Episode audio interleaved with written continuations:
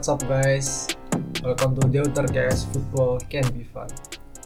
Kali ini kita akan membahas mengenai pertandingan yang sangat panas.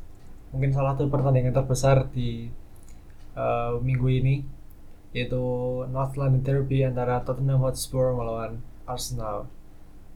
Nah, untuk derby kali ini mungkin seperti yang terjadi di musim-musim sebelumnya ya, di mana Tottenham selalu hampir selalu berada di atas Arsenal kalau soal peringkat klasemen tapi ini hal yang sama tidak bisa dibilang tentang trofinya.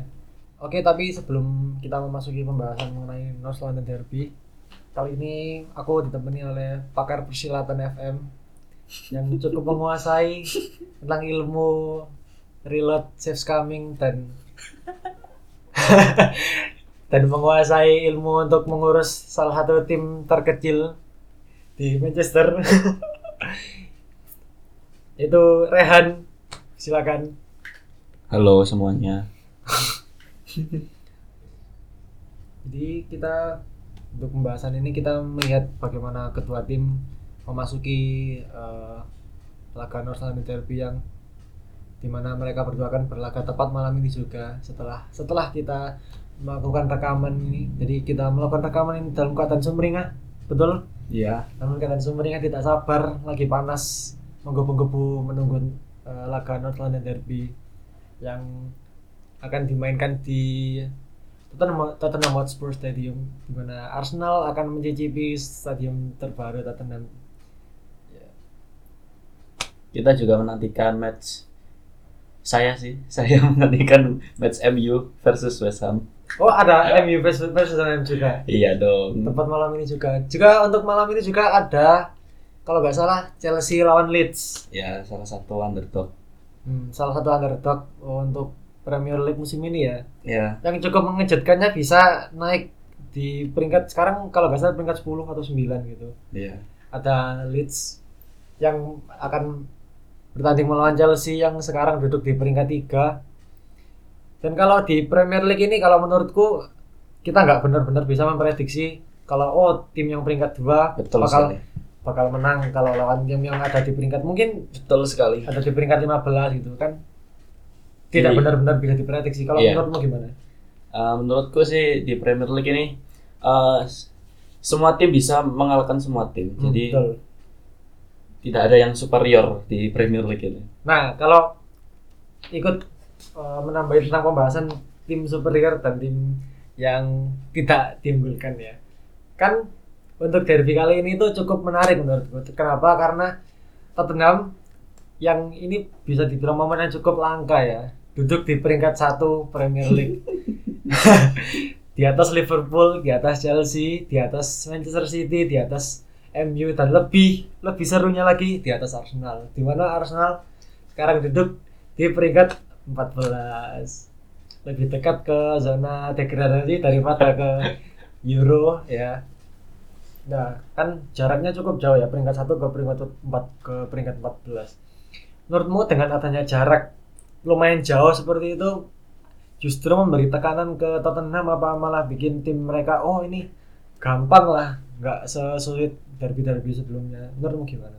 Kalau menurutku sih eh, itu sangat memberi tekanan ya, apalagi eh, Tottenham ini bermain dengan taktiknya Mourinho dengan Hmm. apa counter counter attack-nya. Jadi eh, tidak seperti Manchester City, Liverpool begitu. Jadi eh, itu agak memberi pressure gitu. pressure juga kalau misal kalah juga kan kok jadi kepikiran fansnya kok oh masa di peringkat satu kalah Iya. sama yang di peringkat 14 gitu Iya. kan Tapi tapi Hmm? ini Mourinho mental juaranya ada. oh ya benar benar benar benar jadi pasti bakal lebih ditekankan lebih dikeraskan ke Spurs ya ke timnya kalau ini derby harus menang ini Yes. derby nggak bisa kalah kenapa Hmm. soalnya sempet aku sempet de- baca eh, dengar wawancara dia sebelumnya tuh kalau mikir ya mungkin form formnya sekarang form Tottenham lagi bagus Spurs lagi bagus lagi menang menang menang menang menang terus tapi itu bukan menjadi alasan buat on derby ini enteng. Kan ada sejarah sejarah rivalitas antar Arsenal dan Spurs. Terus ada bagaimana fansnya yang cukup keras. Aku suka lihat di Twitter cukup keras ya. Perdebatan antara fans Arsenal dan fans Spurs yang sudah sudah cukup lama setiap setiap hari setiap minggu walaupun tidak tanding pasti ada aja perdebatannya. Dan itu mungkin walaupun tidak mungkin tidak berarti bagi manajer tapi ternyata cukup menjadi pertimbangan oleh Mourinho. Oke, aku ada pertanyaan lagi. Eh, menurutmu Spurs bisa bertahan di peringkat satu berapa lama? Eh, mungkin eh, aku kurang yakin sih Hmm. untuk Spurs bisa bertahan di peringkat satu sampai akhir musim. Oh, Oke. Eh, Oke. karena salah satu faktornya itu untuk menjadi juara di liga itu diperlukan eh, kedalaman squad yang sangat baik Hmm. seperti Liverpool dan Manchester City yang sudah merefleksikan hal itu. Eh, untuk Spurs, semisal Harry Kane cedera, lalu Son cedera, terus terlebih lagi Højbjerg cedera. Ya. Nah, bisa apa Spurs? Oke oke. Oh ini jadi cukup cukup seru ya. Kalau itu mungkin aku ada setuju atau enggaknya. Eh, kalau soal squad depth, kalau menurutku sih mungkin dengan adanya Mourinho yang di bursa transfer di ya di transfer window yang musim ini awal ini cukup banyak pemain masuk ada tujuh pemain yang menutup menutupi lubang-lubang yang sebelumnya sama Pochettino mungkin tidak dipertimbangkan kayak ya penggantinya Kane gimana kalau misalnya Kane cedera terus penggantinya penggantinya Son gimana kalau Son cedera Højbjerg nah Højbjerg ini sebenarnya cukup menarik karena em, walaupun dia baru masuk tapi sekarang jadi faktor yang cukup penting untuk menutupi kekurangan di midfieldnya Spurs dan kalau misalnya soal squad depth untuk menutupi Son sekarang ada Bergwijn, ada Lucas Moura. Untuk menutupi Kane sekarang ada Vinicius. Tapi jujur kalau menurutku sebagai fans Spurs ya, mungkin mereka-mereka ini masih belum bermain cukup sering untuk menjadi penutup yang bisa diandalkan Ya. untuk menutupi Kane, menutupi Son yang mana mereka berdua ini cukup menjadi tulang punggung Spurs untuk mencetak gol, untuk Ya. membangun serangan. Ya aku setuju. Lah, sekarang Spurs sudah. Sekarang sebelum masuk ke pembahasan tentang derbynya, kita bahas tentang Arsenal. Menurutmu nanti di akhir musim Arsenal apakah mereka masih terpuruk di peringkat 14 atau bisa finish lebih tinggi? Mungkin bisa finish ke peringkat 10, 9, mungkin bisa finish ke kualifikasi Euro. Gimana? Eh, menurutku sih eh, dengan squad yang ada sekarang Arsenal eh, itu cukup mumpuni menurutku Hmm. untuk kualifikasi Europa League. untuk kualifikasi Europa League. Nah ini kita akan masuk pembahasan ya. Ada rekor yang cukup menarik yang sebelumnya aku sempat nggak nggak notice itu di dalam rekornya Mourinho selama memegang tim memegang Manchester United, Chelsea dan sekarang memegang memegang Tottenham Hotspur belum pernah sekalipun kalah lawan Arsenal baik itu di home maupun away. Menurutmu rekor seperti ini sekali lagi akan mem- mempermudah Tottenham atau, atau malah memberi tekanan. Ya, aku aku sendiri ingat banget pas Mourinho masih ngelatih MU Oh ya, ya. itu menang 3-1 lawan Arsenal. Hmm. Dua dua gol dari eh satu gol Lingard, satu gol Martial dan satunya lagi lupa. Pokoknya Pogba red card gara-gara tackle ke Bellerin. Ya. Uh, menurutku sih itu rekor yang sangat fantastis ya, nggak pernah kalah lawan Arsenal dari dari klubnya apa saja Chelsea, Chelsea Chelsea dua kali. Chelsea dua kali, MU, MU, sekarang sekarang Tottenham. Spurs, ya. Menurutku itu akan menambah uh, rasa percaya diri Mourinho beserta anak asuhnya. Kalau menurutku ini untuk kalau rekor seperti ini lebih ke memberi adanya ada pengaruhnya itu lebih ke manajernya ya karena ya ke Mourinho-nya. Tapi mungkin juga bisa mem- memberi benar memberi kepercayaan diri kepada timnya. Oh, aku dipegang sama orang yang nggak pernah kalah lawan Arsenal. Ya mungkin Iya. aku percayalah sama dia. Strategi dia gimana untuk dia manajemennya gimana siapa squad yang dipilih kayak gimana kita percayalah kan apa yang akan dia lakukan ke squad kita bagaimana caranya buat ngalahin Arsenal ini derby penting soalnya nah selain itu tapi aku sempat kepikiran ya. Untuk form. Kemarin Spurs hampir kalah. Kalau menurutku aku bilangnya hampir kalah lawan Lask yang notabene kalau dibandingin sama Arsenal mungkin cukup jauh. Iya. dan untungnya bisa draw. Untung aku bilang untung bisa draw karena aku lihat aku nggak lihat matchnya tapi aku lihat highlightnya itu. Memang permainannya bisa dibilang sangat sangat menurutku sangat mengecewakan ya gimana menurutku Eh, Spurs lawan Las kemarin ya, ya Europa League. Eh, MU aja menang 5-0 loh musim kemarin. Terus, makanya aku aneh gitu melihatnya matchnya loh ini kok squadnya ini kok seperti tidak ada kesinambungan Ah. bingung mindah-mindah bola Iya. gitu Mungkin itu ya balik lagi ke eh, kedalaman squad. ya ah. Eh, keba- kebanyakan pasti yang main kemarin itu apa? Itu ya, apa lapis dua. lapis dua benar Nah, itu pun uh, skillnya bukan first team player, Ya. terus uh, kurang bonding, chemistry-nya belum ada Hmm, untuk pemain-pemain lapis dua gitu. Soalnya kan pemain lapis dua juga mungkin lebih lebih jarang dimainkan kalau dibandingkan main Iya. squad pertama. Juga kalau menurutku untuk yang di squad squad lapis dua untuk yang bertanding di Europa League ini Jose Mourinho seperti kayak agak bereksperimen gitu kayak Oh, ini pemain ini kira-kira cocok apa enggak main sama dia terus pemain yang ini kira-kira cocok apa enggak kalau ditutupin sama dia gitu. Karena dia dengan ada Bell Bell belum pernah main oh pernah main sekali di Premier League ya sempat start. Dan di Europa League ini seperti kayak bagaimana cara Mourinho mengembalikan form Gareth Bale biar segacor dulu dia waktu di Real Madrid mungkin itu dijadikan wingback lagi aja. oh iya dulu waktu waktu di Tottenham terkenalnya Gareth Bale waktu itu jadi wingback ya Iya. sekarang karena mungkin ada perubahan penyesuaian strategi di Madrid dia malah jadi uh, wing di depan forward oke sekarang kita bahas yang squad yang akan bertanding malam ini. Menurutmu kira-kira prediksi starting eleven untuk Arsenal bakal siapa aja yang main? Mungkin Arsenal akan tetap menggunakan 3-4-3-nya hmm. uh, spesialis taktik untuk melawan tim besar dengan tiga di depan yaitu Aubameyang, Lacazette dan siapa itu yang tribo itu Brazil oh Willian. Willian Willian Nah, Willian dengan duo wingback dua wingback Bukayo Saka dan Bellerin dengan dua gelandang yaitu Saka dan Dani Ceballos dan triple center back Gabriel Magalhaes, Rob Holding dan Tierney.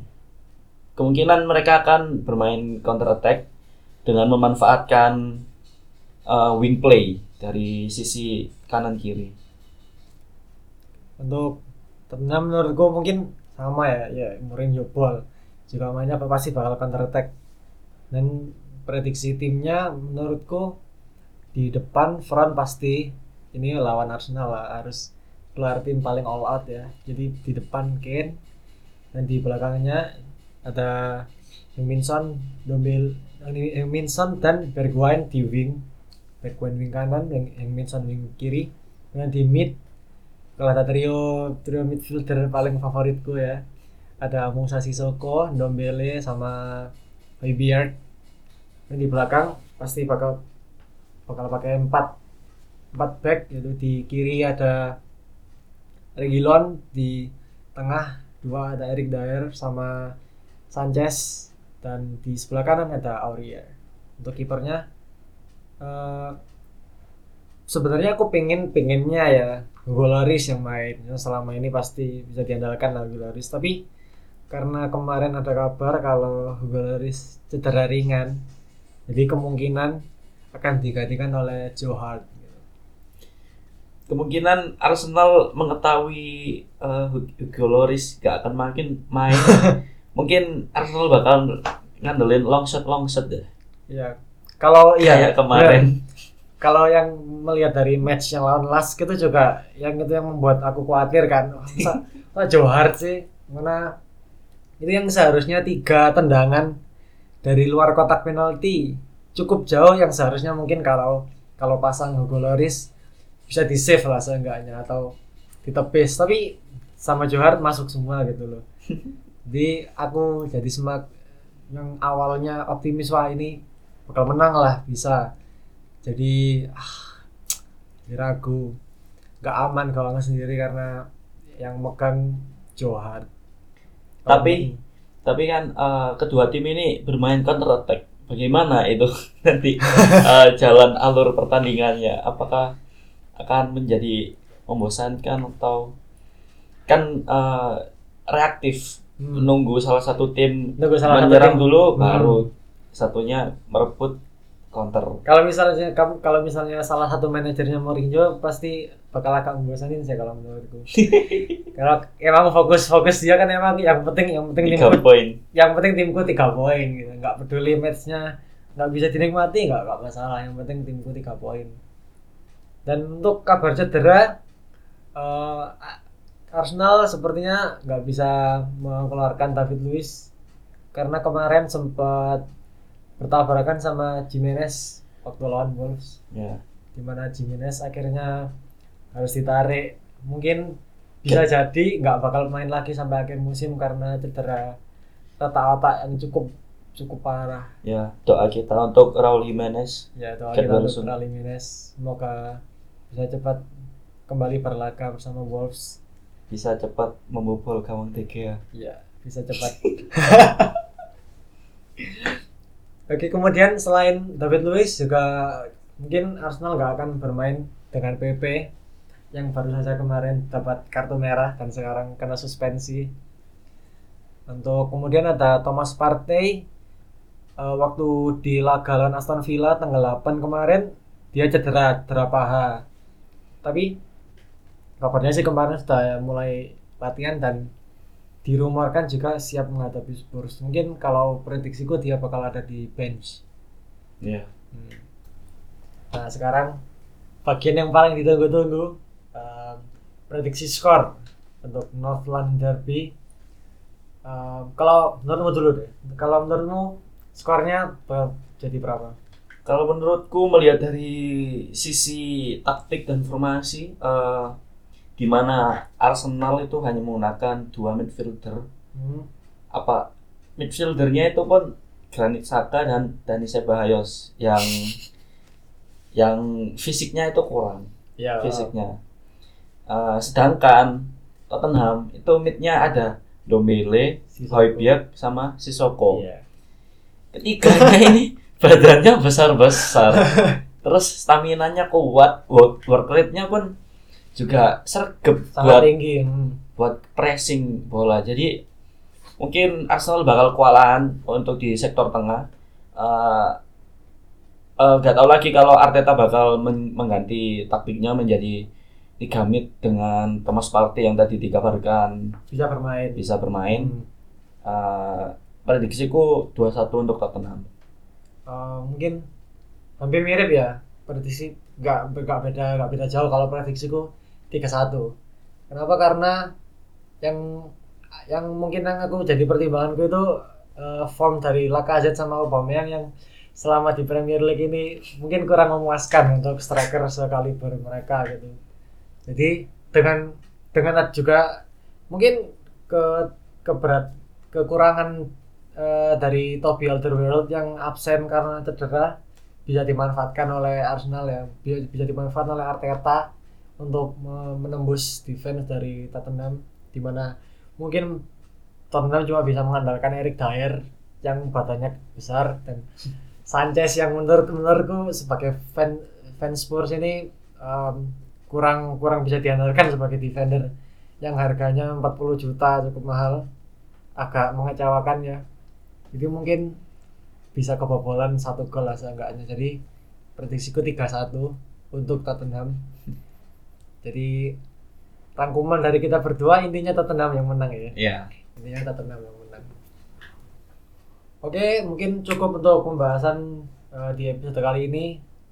Untuk episode berikutnya mungkin kalau kalian ada unek-unek mungkin ada topik yang ingin kita bahas di episode berikutnya mungkin Min kabar dong bagaimana gimana transfer Jadon Sancho ke MU fix nggak? Kapan jadinya ada pertanyaan lain lagi ada pertanyaan yang seru dan topik-topik menarik yang kamu kalau pengen kita bahas bisa kirim aja via DM di @aldivarn atau di Instagramnya Rehan di @rizio. Eh, terima kasih Rehan udah mau join di Yuk, episode Deutercast malam hari ini. sama-sama terima kasih kembali Aldiva untuk mengundang saya di Twittercast ini. Mantap, mantap, mantap. Juga terima kasih juga buat kalian semua yang sudah men- mendengarkan Deutercast episode ini.